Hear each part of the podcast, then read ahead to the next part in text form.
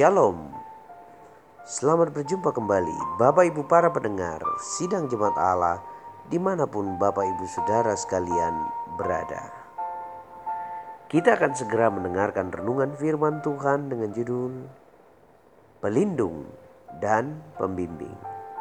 Teks kita terambil dalam keluaran pasal 14 ayat 14 berkata, Tuhan yang akan berperang bagi kamu dan kamu akan diam saja.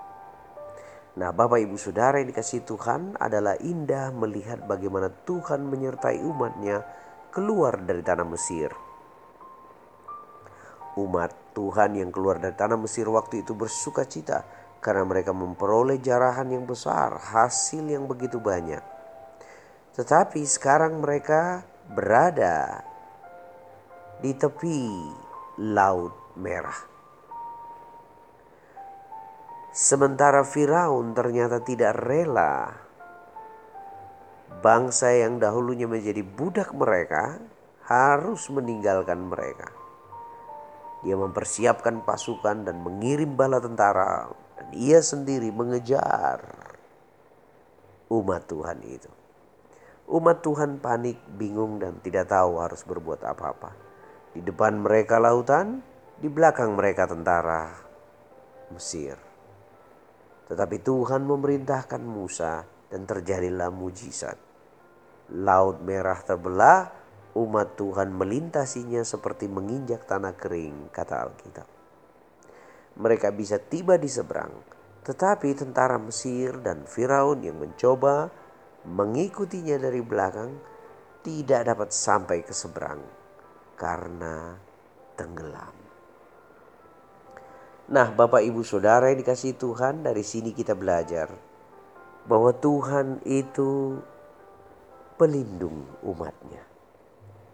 Sekalipun sekarang kita tidak merasakan mana ya pembelaan Tuhan pada saat saya disakiti, pada saat saya dihina, pada saat saya tidak dihargai, pada saat saya dipandang sebelah mata. Mana pembelaan Tuhan? Atau di manakah keadilan Tuhan? Apakah yang harus saya lakukan menerima semua hal ini? Garis bawahi ini Bapak Ibu. Sekalipun kita belum melihat pembelaannya, perlindungannya, pertolongannya, tidak berarti bahwa dia itu Tuhan yang tidak melindungi. Enggak, Bapak Ibu Saudara. Dia tetap Allah yang melindungi cara dia bekerja berbeda dengan cara kita. Cara kita mungkin kelihatannya baik, mungkin kelihatannya lebih cepat, mungkin kelihatannya lebih cocok, tetapi cara yang Tuhan pakai itu melampaui pengertian kita. Dia bisa memakai cara kita, dia juga dapat memakai cara-cara yang tidak kita pahami, yang tidak kita mengerti, sampai kita menyadari bahwa dialah perlindungan kita. Nah, Bapak Ibu Saudara yang dikasih Tuhan, ada kalanya kita mempertanyakan sesuatu. Tetapi ketika kita memperoleh jawabannya beberapa saat kemudian, kita baru tersadar bahwa semua yang kita alami dalam kehidupan adalah proses Tuhan untuk mengingatkan kita bahwa Dia adalah pelindung kita. Seolah-olah memang awal-awalnya terasa sakit, terasa berat, terasa sulit, terasa menekan. Tak seorang pun yang dapat menolong kita. Tetapi kita mesti sadar bahwa dalam proses itu Tuhan bekerja sebagai perisai bagi kita.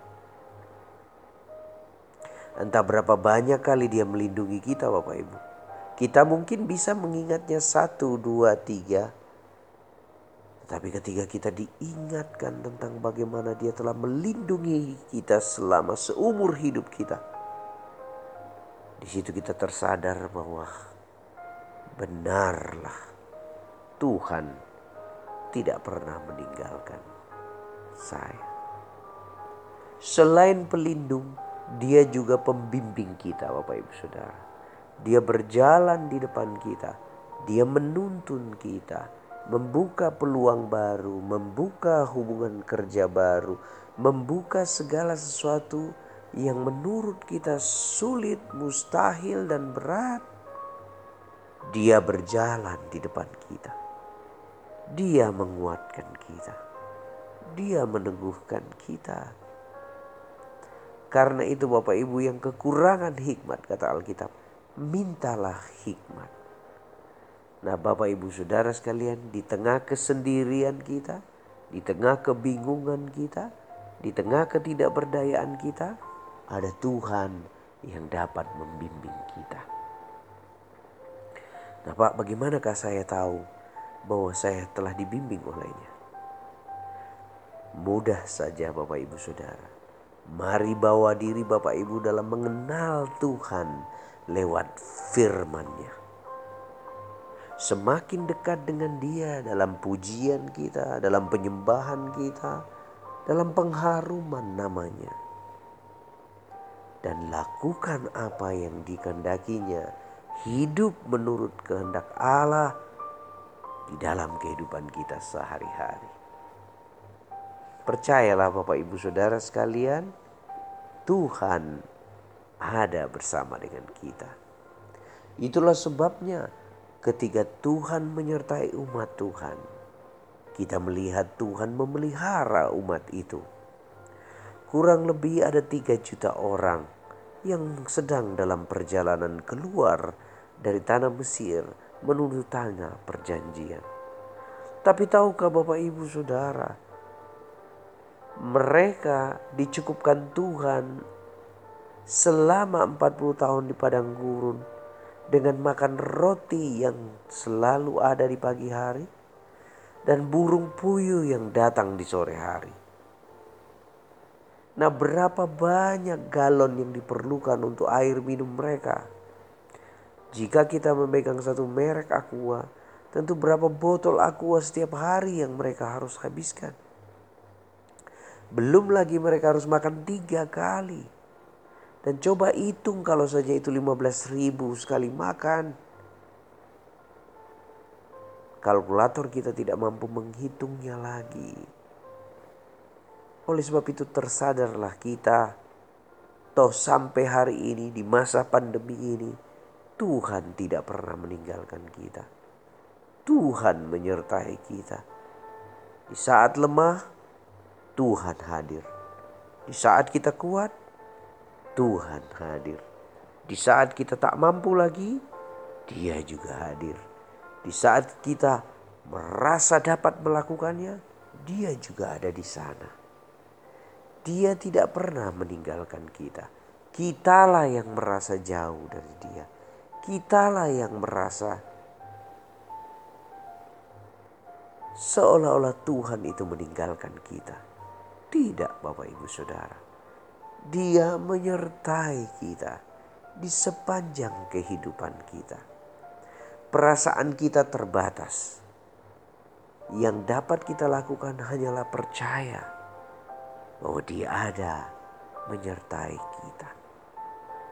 Nah Bapak Ibu Saudara, biarlah firman Tuhan hari ini menguatkan kita. Pastikan selalu di hati dan pikiran kita bahwa satu-satunya pelindung, satu-satunya pembimbing terbaik dalam kehidupan kita adalah Tuhan. Ingatlah bahwa setiap kita di dalam rencana dan kehendak Tuhan, Tuhan menyertai, memberkati, dan melindungi kita. Tuhan Yesus memberkati kita Bapak Ibu Saudara sekalian. Selamat menikmati hari ini. Turunlah berkat sehat, kuat, dan panjang umur bagi kita sekalian. Shalom.